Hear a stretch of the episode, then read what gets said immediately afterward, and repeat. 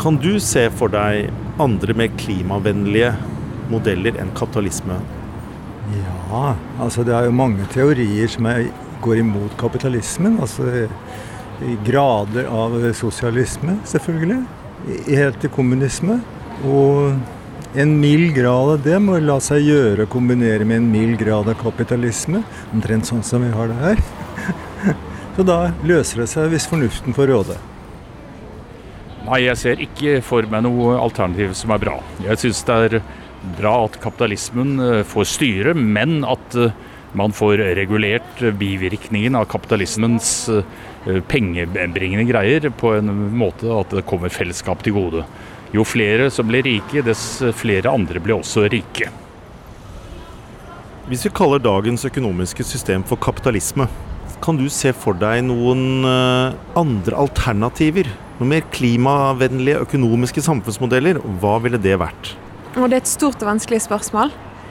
Um, jeg tenker jo at et, eh, et, økonomisk system som vi har nå, som er basert på, på evig økonomisk vekst, ikke er eh, forenlig med å ta vare på kloden vår.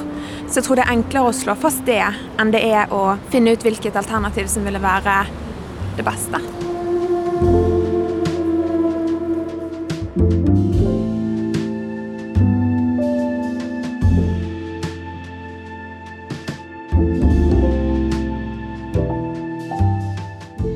Systemendring er et ord som man ofte støter på i klimadebatten. Er det mulig å endre økonomisk modell som samfunnet opererer etter? Det skal vi snakke om i denne utgaven av Sampodden.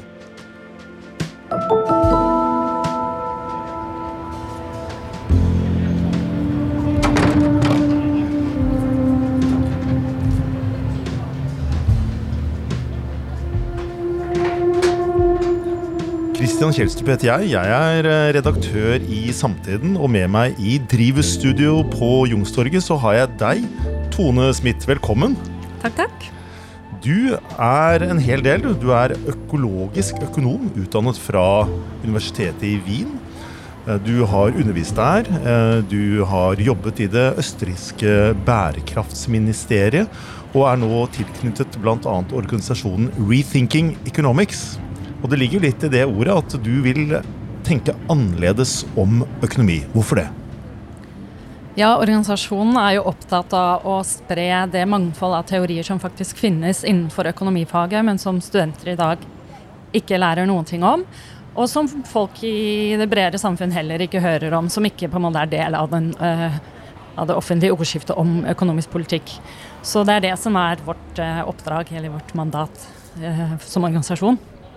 Men vi må være enige om utgangspunktet for eh, denne samtalen vår. For det er en tekst du skrev i Samtiden for to år siden, og som jeg tenker står seg nokså godt fortsatt.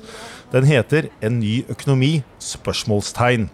Det er jo av og til et tema som dukker opp igjen i klimadebatten, og det er kan vi rett og slett skifte hele dette økonomiske systemet som går under navnet kapitalismen? Og du mener jo at vi iallfall bør det, da. Hvorfor det? Ja, det er mange grunner til det. Det første er vekstproblematikken som er knyttet til kapitalismen. Altså Kapitalismen er et økonomisk system som både eh, driver vekst og avhenger av vekst. Ikke sant? Det Profittjakten i det økonomiske systemet fører til eh, en konstant vekst. Og folk er avhengig av vekst, for ellers så blir det arbeidsledighet. Og folk i, et sånt system er vi avhengig av lønnsarbeid. Så det er på en måte drivkraftene i systemet. Og samtidig, som eh, økologisk økonom, som jeg også er, så er jeg opptatt av at økonomien eh, fundamentalt sett er materiell, eller biofysisk, som vi ofte kaller det. Den er basert på ressurser og energi. Det er liksom hovedingrediensene i produksjon. Så man kan ikke ha vekst uten at vi må bruke mer energi og eller ressurser. Og dermed så er det en illusjon å tro at økonomien kan vokse evig uten at det medfører større miljøbelastning, eller at vi samtidig skal kunne eh, redde miljøet, da. Eh, og det er jo liksom kjernen i diskusjonen om, om vekst eller vern, ikke sant. Hvor økologiske økonomer står veldig trygt plassert i en sånn vi må begrense oss, og jordens ressurser er begrenset eh, utgangspunkt. Så du er på en måte en økonom som vil forandre økonomien eh, innenfra, du? Ja, det er jeg. Og da må du si litt mer om det vi har uh, sagt at du er, nemlig en økologisk økonom. Hva, hva er egentlig det for noe? Når vi skal forsøke å forstå økonomien, så må vi skjønne at den er materiell. Den er, det handler ikke om penger, først og fremst, men om det biofysiske grunnlaget som ligger under produksjon og velstand. Og eh, når man tar det som utgangspunkt, så forstår man økonomien på en helt annen måte enn det eh, mainstream-økonomer gjør, som snakker veldig mye om nytte, og at alt kan måles i penger. Nytte kan måles i penger, mens vi er opptatt av hvilke ressurser som må til for å skape den velstanden som eksisterer. Men også at enhver produksjonsprosess alltid fører til avfallsprodukter og det må vi huske også når vi snakker om sirkulær økonomi, at uh, vi kan ikke bare resirkulere alle disse avfallsproduktene, for vi trenger energi for å gjøre det hele tiden. Det er noe med ikke å hoppe, ikke hoppe bukk over de problemene som er helt sånn essensielle, og de mest elementære liksom, fysiske lovene sier jo dette allerede. Termodynamikkens lover. Det er litt eh, vanskelig begrep, men det er helt elementært i fysikken. Og da må man tenke annerledes om hvordan økonomien skal kunne fungere. Hvis man har det som utgangspunkt, så er det ikke nok å fokusere på effektivitet og teknologiske løsninger som er fokuset hele tiden i debatten. ikke sant? Fordi en annen ting som vi ser, er at når vi effektiviserer og blir mer ressurs- eller energieffektive, så bare bruker vi opp den effektiviseringsgevinsten i, ny, i nyproduksjon. Det er det som har skjedd empirisk sett innenfor økonomien vår nå de siste ti årene. Fordi vi ikke tør å sette grenser for ressursbruk. For min, min eh, lytteren eh, på termodynamikkens lover igjen. Hvordan er de lovene? Ja, Det er særlig den loven nummer to da, som handler om at energi ikke kan resirkuleres. og Derfor må vi huske at når vi har en produksjonsprosess, så trenger vi ressurser av et eller annet slag, og vi trenger energi. Og på den andre siden av produksjonsprosessen så kommer det et produkt og et avfallsprodukt. Så da får vi, vi skaper jo alltid et miljøproblem. Så kan man snakke om at ja, men det avfallsproduktet kan vi lage noe nytt av. Vi er så innovative i den moderne verden. Men enhver ny prosess vil også skape et avfallsprodukt, pluss at den trenger energi. Og det er også et av de store temaene å minne om at særlig i klimadebatten, da, som dette som vi jo snakker om her, at um, det finnes ikke noe ren energi, sånn som vi ofte sier. Vi skal bort fra fossil energi, som er uh, uren, ikke sant? og så skal vi ha grønn, fornybar uh, energi, og det er liksom ren energi. Men all energi krever produksjon å produsere, og fornybar energi krever mer energi å produsere. Så det at nettogevinsten blir mindre. ikke sant? Jo mer fornybar energi vi skal ha, jo, jo mer energi må vi bruke på å lage energien i første omgang. Konsekvensen er jo bare å rett og slett at vi må ha med i diskusjonen at vi må forbruke mindre. Det er ingen magiske løsninger her. Det er ingen teknologiske vidundere. Vi må ha med i diskusjonen at vi må sette noen tak på ressursforbruket og energiforbruket.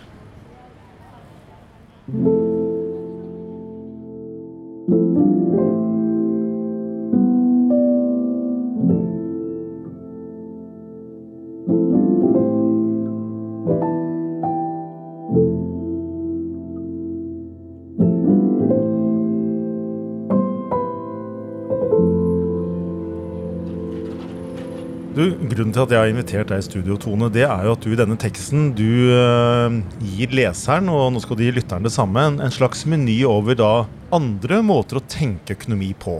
Så vi skal snakke litt om uh, muligheter. Og så skriver du også om hindre uh, for endring i teksten din. Fordi det er ikke bare bare å innføre et nytt økonomisk system over natten. Så det skal vi også snakke om. Men først til mulighetene. Jeg hadde faktisk økonomi på skolen, tro det eller ei. Og eh, det lille jeg husker av det, det var jo en, en nokså abstrakt eh, lære om tall og kurver. Isolert fra egentlig det økonomien har så alvorlige føringer for, nemlig samfunnet og livene for oss alle. Slik jeg leser deg, da, er, eh, og, og de alternative økonomiene du ønsker å introdusere, så er det et forsøk på å tenke økonomi mer helhetlig som en del av samfunnet, ikke minst naturen. Stemmer det? Ja, og jeg er veldig glad for det du sier om hvordan du oppfattet eh, økonomifaget. For det er jo også som folk flest oppfatter økonomifaget, at det handler om tall og kurver man ikke skjønner. Som er litt av det Rethinking Economics ønsker å, å bryte ned eller åpne opp. Og så har jeg min spesielle tilnærming. Alle i vår organisasjon har, er ikke opptatt av samme teori, men um, som er å, å tenke på økonomien som et forsyningssystem et økonomisk system må ikke bare handle om eh, produksjonsmengder, men hvordan man organiserer forsyning. Og hvordan man skal gjøre det på en måte som kan tilfredsstille et godt liv for alle. Og da starter man jo i en helt annen ende enn med de abstrakte kurvene og grafene som du lærte om på skolen. Ja, men La oss gå inn på, nei, litt nærmere på noen av disse mm, andre mulige måtene å tenke økonomi på. Da. Som du nevner i teksten din, bl.a. blant annet så skriver du en del om eh, det som heter degrowth. Mm -hmm. Og La oss bare skyte inn at du også nå er redaktør for nettstedet degrowth.no. Mm -hmm. Eh, men det er ikke du som i sin tid tok initiativet til uh, degrowth-bevegelsen. Det ligger litt i ordet hva det er, men, men si det du. Hva er det degrowth kan, hvordan kan degrowth supplere den rådende økonomiske tenkningen? Ja, degrowth ofte oversettes til norsk med nedvekst da oppfattes det som at det kun handler om å redusere materielle forbruket, mens jeg liker bedre å bruke motvekst, for det er faktisk en, det er jo en bevegelse også. En motstandsbevegelse mot det rådende økonomiske systemet som oppsto i Frankrike på eh, begynnelsen av 70-tallet. Parallelt til en bok som het 'Limits to Growth', som ble utgitt i USA, hvor bl.a. norske Jørgen Randers var forfatter. Og den var veldig sånn materiell og ganske teknokratisk i sin tilnærming, mens den franske degrowth-bevegelsen, eller de intellektuelle som startet det, var veldig opptatt av uh, det kulturelle aspektet ved den vestlige utviklingsmodellen, som vi på det tidspunktet hadde begynt å, å påprakke resten av verden i ganske stor grad. ikke sant? Selv om var, mange kolonier var blitt frie på den tiden, så var det fortsatt så er det jo helt tydelig en sånn eh, imperialistisk eh, type utviklingsmodell som stadig brer om seg, og som vi nærmest har for gitt. Alle skal følge denne modellen. Eh, så det er det som var utgangspunktet for degrowth. Denne modellen handler ikke bare om å forbruke mindre. Det er ikke bare at det er en materiell eh, vekstmodell, men at eh, vi bygger vår vekst i Vesten på andres elendighet. Så vi suger ut deres ressurser fra deres land. Og vi ikke minst ødelegger andre kulturer, eller hjelper til med å ødelegge dem. At det er del av hele den prosessen. Lokale kulturer med sine um, tradisjoner, ritualer, identitet blir brutt opp i alle disse prosessene hvor folk blir flyttet inn til byene, må inn i lønnsarbeid, ofte i prekære lønnsarbeidssituasjoner. Og, og ja, de bodde kanskje i og levde under materiell eh, fattigdom tidligere, men det var kanskje bedre enn å være i en by med materiell elendighet, som er på en måte de ordene som de brukte da, for å skille mellom de to. Og så er visjonen at um, det finnes kanskje en bedre måte. At vår vestlige, moderne modell handler om at alt skal øke hele tiden, og at det skal bli bedre, og vi skal ha mer. Og at denne slags kvantitative tenkemåten må vi legge bak oss, og tenke hvordan vi skal kunne være fornøyd med noe som ikke trenger å vokse hele tiden. Det høres jo fint ut, men eh, hvis vi skal ta Degrowth sine innsikter eh, til oss, da, hvordan skal vi klare å, å, å, kombinere og beholde, om ikke vår levestandard, så i hvert fall vår livskvalitet, og løse klimakrisen? Ja, for vi skal jo ikke beholde vår levestandard. Det er, det er jo fint at du tydeliggjør det. Det, det ikke jeg, vil ikke jeg liksom legge under en skyve under en stol, for det er jo ofte det som gjøres. Vi må ned i levestandard. Det er en sånn uunngåelig konsekvens av det jeg snakker om. Eh, og så skal vi beholde vår livskvalitet, eh, sier du. Hvordan kan vi gjøre det? Og, og da er jo litt av diskusjonen er det kanskje sider ved vår livskvalitet som ikke er så bra? Er alt ved dette vestlige samfunnet så bra? det er jo mange ting folk sliter med i den modellen vi har. ikke sant? Det er veldig mye prestasjonspress, det er eh, konformitetspress, det er stress. Eh, kanskje mest av sånn meningsløshet i forhold til hvorfor vi er med i dette rotteracet som, eh, som vi ikke helt vet hvorfor vi, vi, stresser oss ut på. Så forståelsen er jo at det, alt er ikke bra, og det, vi ønsker ikke å bare beholde alt vi har oppnådd. Det er ikke bare livskvalitet i denne modellen. Det er også mange ting som som ikke er så bra, som vi bør prøve å luke ut. Og ja, da, da er det heller ikke sånn at man framsetter en totalløsning for alternativt samfunn, men det er et slags forsøk på å få en debatt i gang, og at man selv tar eierskap til den samfunnsutviklingen vi skal ha, istedenfor at vi nå har havnet i en sånt uh, ja, en sånn slags Vi kaller det at vi lever i frihet i den vestlige verden. Vi lever i liberale demokratier, ikke sant. Men eh, mange oppfatter at det ikke er noe frihet i denne modellen i det hele tatt.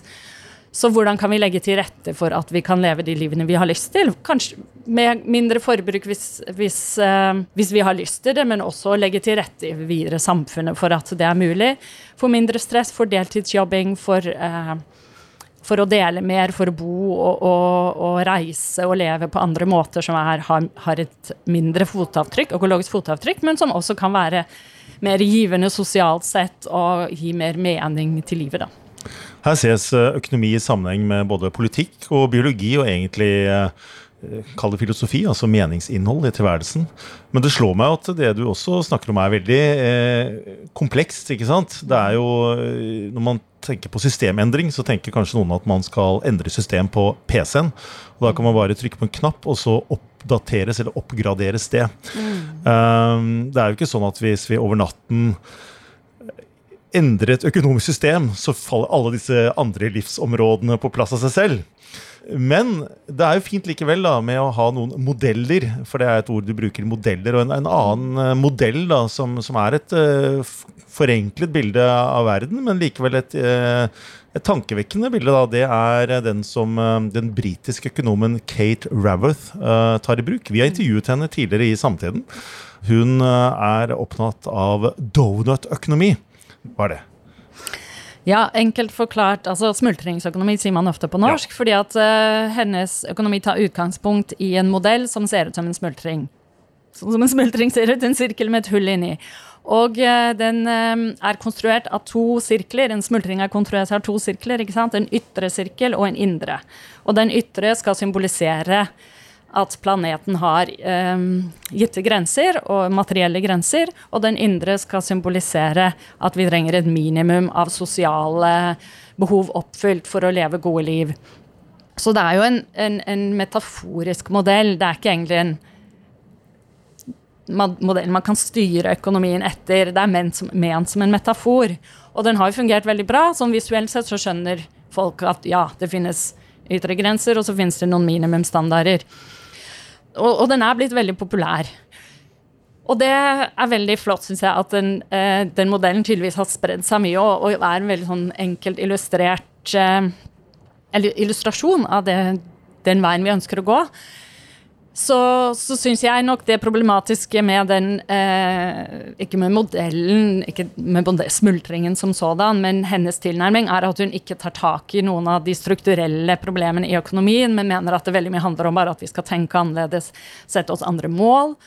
Eh, ha andre historier for hvor vi vil med samfunnet osv. Og, så og det er jo en del av det jeg snakker om òg. Vi må liksom tørre å snakke og diskutere nye løsninger. Men det er jo også sånn at det er strukturelle hindringer i det allerede eksisterende systemet. Nå, nå skal vi jo komme til det etter hvert. Som, som, den boken eller den modellen ikke tar tak i. Så den er veldig sånn idealistisk basert, eller idébasert modell, da.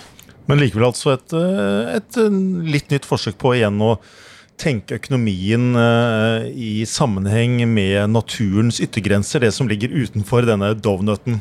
Ja, fra, fra, fra, tidligere så har mhm. jeg primært assosiert donut med Homer Simpson. Nå kan vi altså tenke på Kate Raworth. Ja. Men du, Tone Smith, uh, som også er økologisk økonom. Det var et par år siden du da skrev denne teksten i Samtiden som utgangspunkt for vår samtale nå.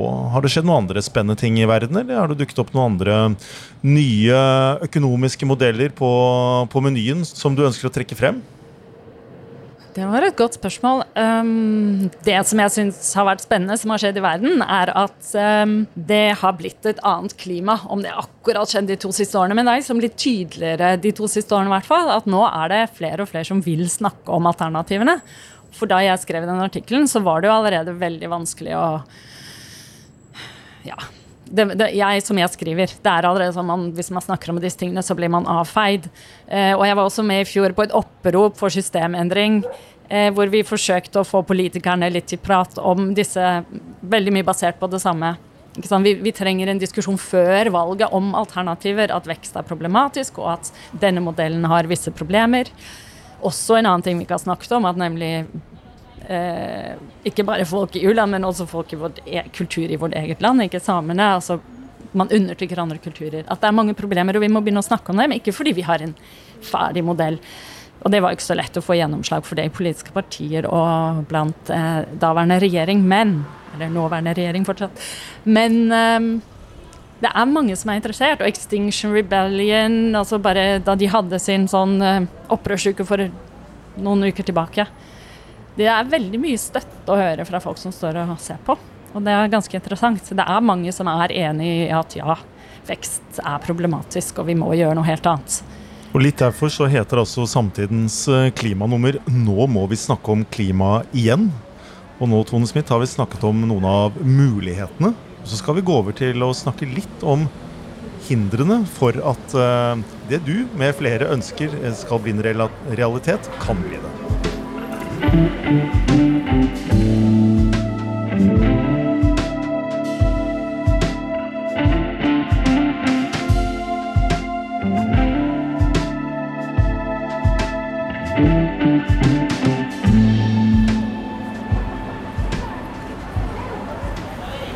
kapitalisme er navnet på vårt uh, nåværende økonomiske system, hva kan være andre og mer klimavennlige alternativer?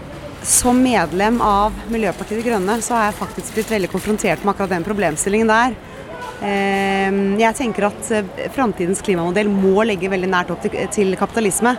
Nettopp fordi at, og beklagelig, jeg har liksom ikke trua nok på menneskeheten. At vi kommer til å forbruke mindre og leve i henhold til noe som er bærekraftig. Fordi vi er grådige og vi blir flere og vi, vi, jeg tenker at alle har lyst til å fly og alle har lyst til å konsumere. Så jeg tenker at den løsningen som Miljøpartiet De Grønne har da egentlig sjaltet ut nå, etter at Rasmus Hansen, som representerer den andre siden, eh, liksom står for sitt, så tenker jeg at det er kapitalisme som må være løsningen. Og det blir jo en sånn liberalistisk eh, Miljøpartiet De Grønne, da. Dessverre. Så det er, jeg er kanskje ikke egentlig den rette til å svare på det, nettopp fordi at jeg tror det er helt sånn uløselig å, å trekke det bort fra at vi er noen grådige, ufyselige beist. Altså, jeg tenker jo klima er jo viktig, og vi må øh, vi, altså Det tenker jeg det er et av de viktigste spørsmålene vi har foran oss nå. Øh, for at vår klode skal kunne overleve, rett og slett. Er det vanskelig å se for seg noe annet? Ja og nei, egentlig. Hvis du ser for deg et alternativ til dagens kapitalisme, et mer klimavennlig alternativ, hva ville være et slik alternativ økonomisk samfunnsmodell? Det er veldig vanskelig å svare på, altså. Eh, jeg er klimavennlig er i hverdagen min, og politisk har jeg stemt klimavennlig, men akkurat i forhold til et alternativ til kapitalisme er det litt vanskelig å svare på.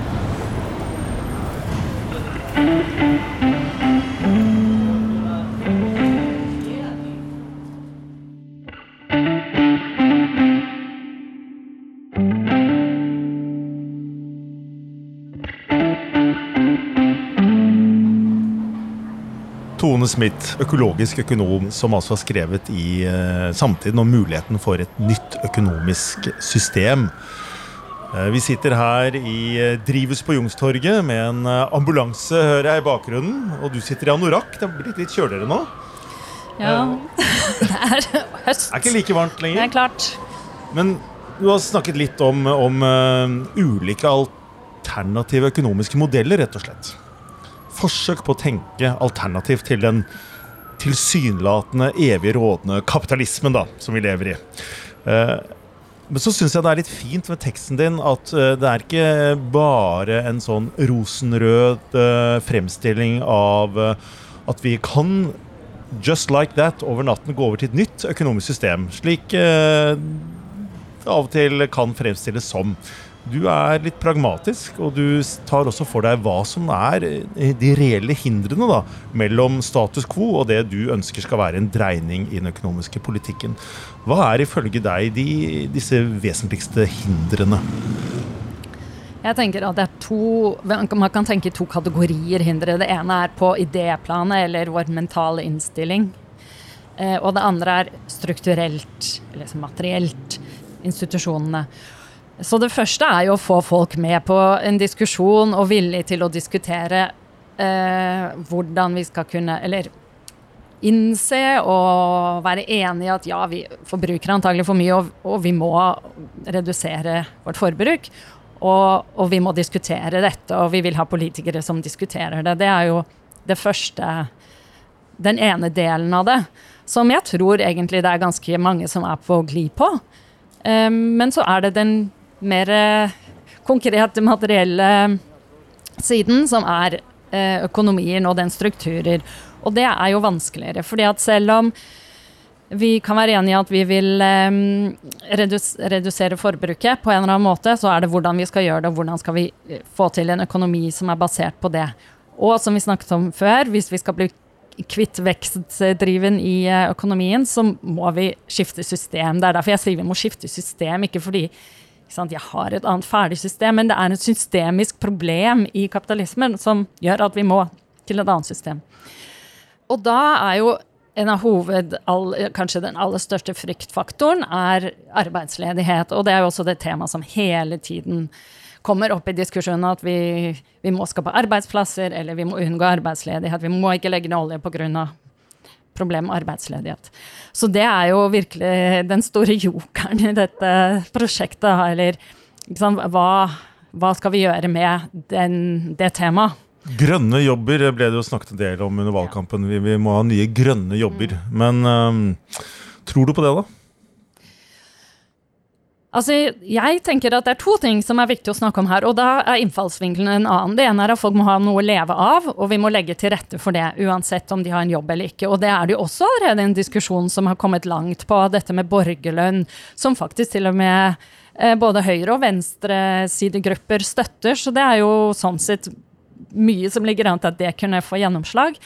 Eh, mens noen mener at man skal gå lenger enn bare borgerlønn, men også diskutere eh, større tilretteleggelse for gratis samfunnstjenester. Sånn at ikke alt skal For hvis man baserer seg på borgerlønn, så er vi jo alle inne i, i pengeøkonomien igjen. Og da da hjelper det ikke hvis boligen i Oslo langt overgår det lønnen er. ikke sant? Eh, så man skal tilrettelegge for visse typer minimumstjenester, i hvert fall for de som trenger det i samfunnet.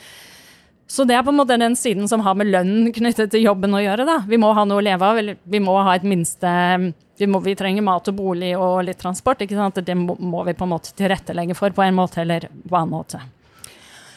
Istedenfor å snakke om vi må ha jobber for å få den, så kan man, man kan jo snakke om jobbgaranti også, men, men, det går jo an å ta en annen innfallsvinkel. Litt sånn som eh, den avdøde David Graver har gjort. Forsøkte bare Han var antropolog, kjent for boken 'Bullshit Jobs'.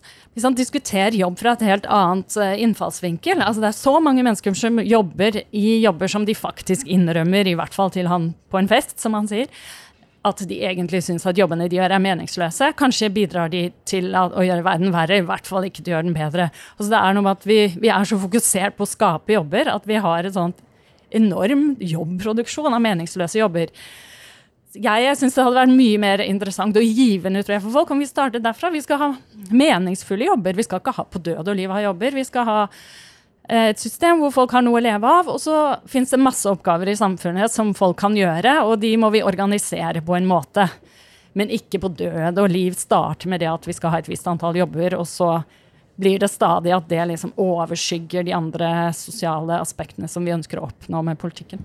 Du snakket om at det var to typer hindre. De eh, mentale og de strukturelle. Og hvis vi holder oss til førstnevnte, da, så så er det et annet aspekt ved det norske samfunnet du kommer inn på i, teksten din, eh, som handler om eh, hvordan det sivile samfunnet er strukturert. Du snakker om den norske korporative modellen.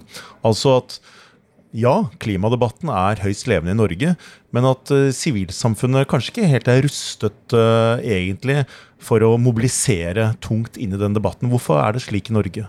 Jeg starter med å si hva den korporative modellen er. Eh, eh, symboliserer med trekant med tre typer aktører. Arbeidsgiver, arbeidstaker og staten. Og i Norge så, så har man et, tradisjonelt et godt samarbeid mellom de tre aktørene for å unngå nettopp sosial uro. Um, eller å fremme sosiale kompromisser og dialog. Men bakgrunnen, som jeg eh, bl.a. siterer John Trythack, australsk statsviter, på i den artikkelen, er at eh, det finnes knapt uavhengige aktører i Norge, og miljøbevegelsen i Norge er jo veldig avhengig av statsstøtte. Og disse tingene utgjør et problem fordi man ikke har en uavhengig, en riktig uavhengig tredje stemme. Da. Og når folk eh, jobber i tett dialog, som de gjør i kooperativmodellen, så blir man veldig ofte oppslukt i en sånn vennlig innstilt modell til de som man samarbeider med, i en dialogprosess. Um, som gjør at det er vanskelig å ikke bli kompromittert. Og jeg syns også det er her fint å bare nevne Antonio Gramsci. Uh, hans uh, ideer om passiv revolusjon, at man veldig lett blir oppslukt av det eksisterende når man begynner å gå i dialog. Og det betyr jo at man skal forsøke å gå i dialog, men det er noe med å være obs på hvor lett det er å, å, komprom, å kompromisse på de, den radikale kritikken som noen må fremføre. Og Da er det jo litt over på eh, den andre kategorien hindre, da, nemlig det mentale. Dette, dette eh, overlapper jo litt, men, men, da antar jeg at du primært tenker på hver og en av oss. Eh, du, du sa jo i sted at vi, vi skal ned levestandard. Ja, det er veldig mange som sier det, uavhengig av hvor man måtte befinne seg i det politiske spekteret. Men én ting er å si det, og en annen ting er å ville det. Mm. Nå har vi bak oss et valg i høst hvor eh, som er blitt kalt et klimavalg, men hvor resultatet kanskje indikerte at det fortsatt er et stykke å gå eh, når det gjelder eh, befolkningens vilje til virkelig endring. Eh, hva er for mm. deg det aller fremste mentale hinderet? Jeg tror et av problemene er at vi ikke alltid skjønner hvordan alt vi tenker i det moderne samfunn er basert på en sånn vekstidé, da. For det er veldig mange som sier ja, vi kan kanskje redusere veksten, men da må noe annet øke. F.eks. bruttonasjonal lykke må øke. Lykken må øke hvis økonomien skal gå ned. Istedenfor at vi snakker om at vi kan ha en modell som handler om et godt liv. Punktum. Hvorfor, hvorfor, er ikke det bra nok? Så det er noe med hele den moderne framskrittstankegangen at noe må øke, og ting skal øke. Sånn at selv når vi vi, vi begynner lett å blande, øh, snakke oss bort istedenfor å diskutere ok, hvordan skal vi egentlig redusere det materielle forbruket, og hvordan skal vi gjøre det i økonomien og i samfunnet. Og så blir det sånn sidespor i diskusjonen. Ja, men hva skal øke isteden? Da må noe annet øke. Så blir det plutselig at det er det diskusjonen skal handle om isteden. Så jeg tror at det er mentalt sett sånn den største um, sperren som vi alle Altså vi er oppdratt nærmest til å tenke på den måten. Men når det gjelder hvorfor ikke flere var villige til å faktisk stemme for noe annet i valget, så, så tror jeg kanskje at det er litt annerledes. fordi at mange av de som jo sier at de er de skjønner at vi må ned i levestandard og endre ting radikalt. Det, det var jo ikke mange eh, reelle alternativer å stemme på. Det er jo ingen politikere som sier at vi må ned i levestandard. Det er ingen som tør å si det ennå. Og da tenker jeg at da er jo det å få i gang en debatt i sivilsamfunnet eller i det offentlige ordskiftet kjempeviktig for at noen skal tørre å liksom ha det på partiprogrammet. Da. Det må jo være det, første som skal til for at vi skal kunne stemme på for det. Men Tone Smith, du er altså økologisk eh, økonom. Det er ikke jeg. Jeg heter Christian Kjelstrup og er redaktør i Samtiden. Og vi har snakket en del om mulige alternative økonomiske modeller. Men samtidig hindrene på veien til å få gjennomslag for dem. Og så sier du jo selv at enn så lenge så er jo ikke dette spørsmålet, selv om det liksom ligger og, og, og, vibrerer under klimadebatten hele tiden, det er ikke liksom virkelig høyt oppe på agendaen. Det er ikke tungt inne på partiprogrammene. Så hvordan da overkomme disse hindrene for endring, tenker du?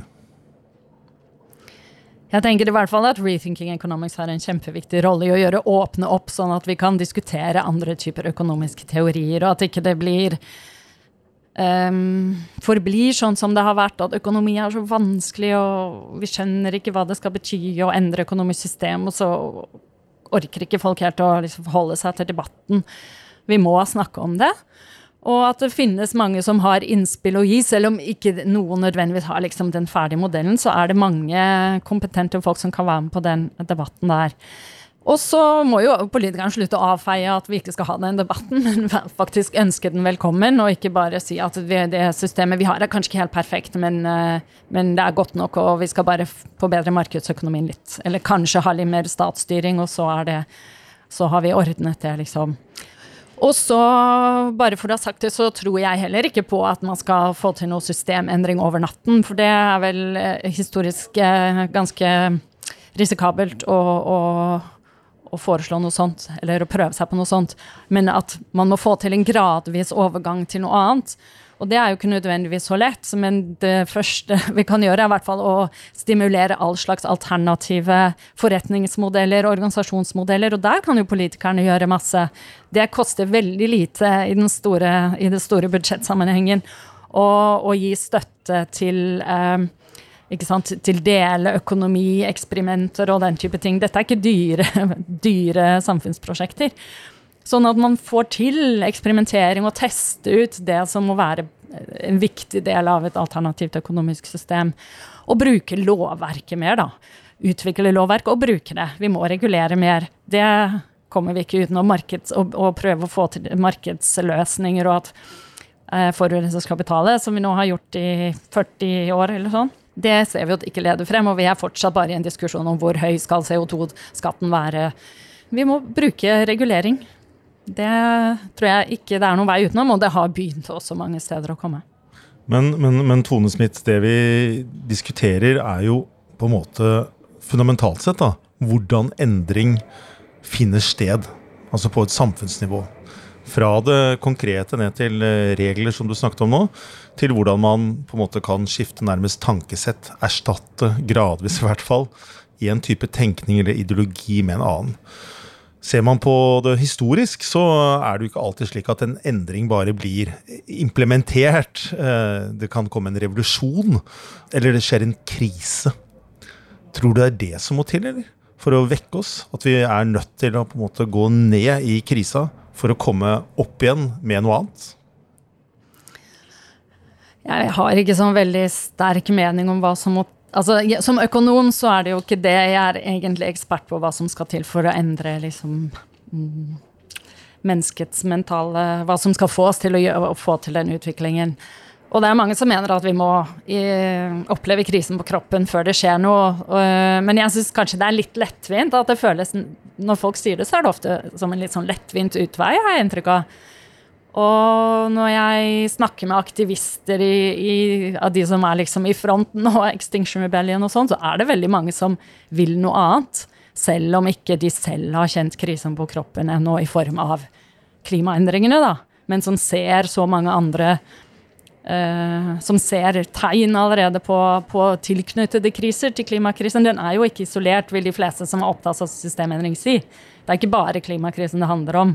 Det handler om den bredere naturkrisen med tap av biologisk mangfold. Det handler om uh, gjentagende finanskriser som også slår over i sosiale kriser. ikke sant?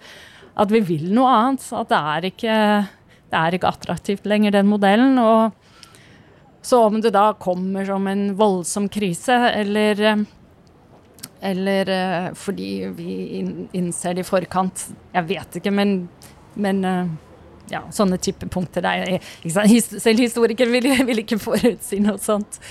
Så kan man jo også si kanskje det er en helt annen krise som kommer først. Fascismen i Europa blir det som overskygger alt annet. Hvem vet?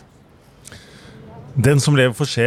Uh, vår samtale nærmer seg slutten. Tone Smith, uh, økologisk økonom som har skrevet i Samtiden, og uh, som er tilknyttet bl.a. organisasjonen Rethinking Economics. nå har vi snakket mye om forskjellige ting, men hvis du skulle komme da med en sluttappell da, til de der ute som måtte kunne påvirke en mulig systemendring, hva, hva vil du si da? Ja, da vil jeg se vi må starte den diskusjonen som handler om hva vi skal produsere, hvordan vi skal produsere hva som er et godt liv for alle, både i Norge og i verden i framtiden. Hva slags modell det innebærer. Vi må ha en samtale om det, og så må vi tilrettelegge for å eksperimentere med alternativer til det som eksisterer nå. Takk for vår samtale, Tone Smith, økologisk økonom. Jeg heter Christian Kjelstrup og er redaktør i Samtiden.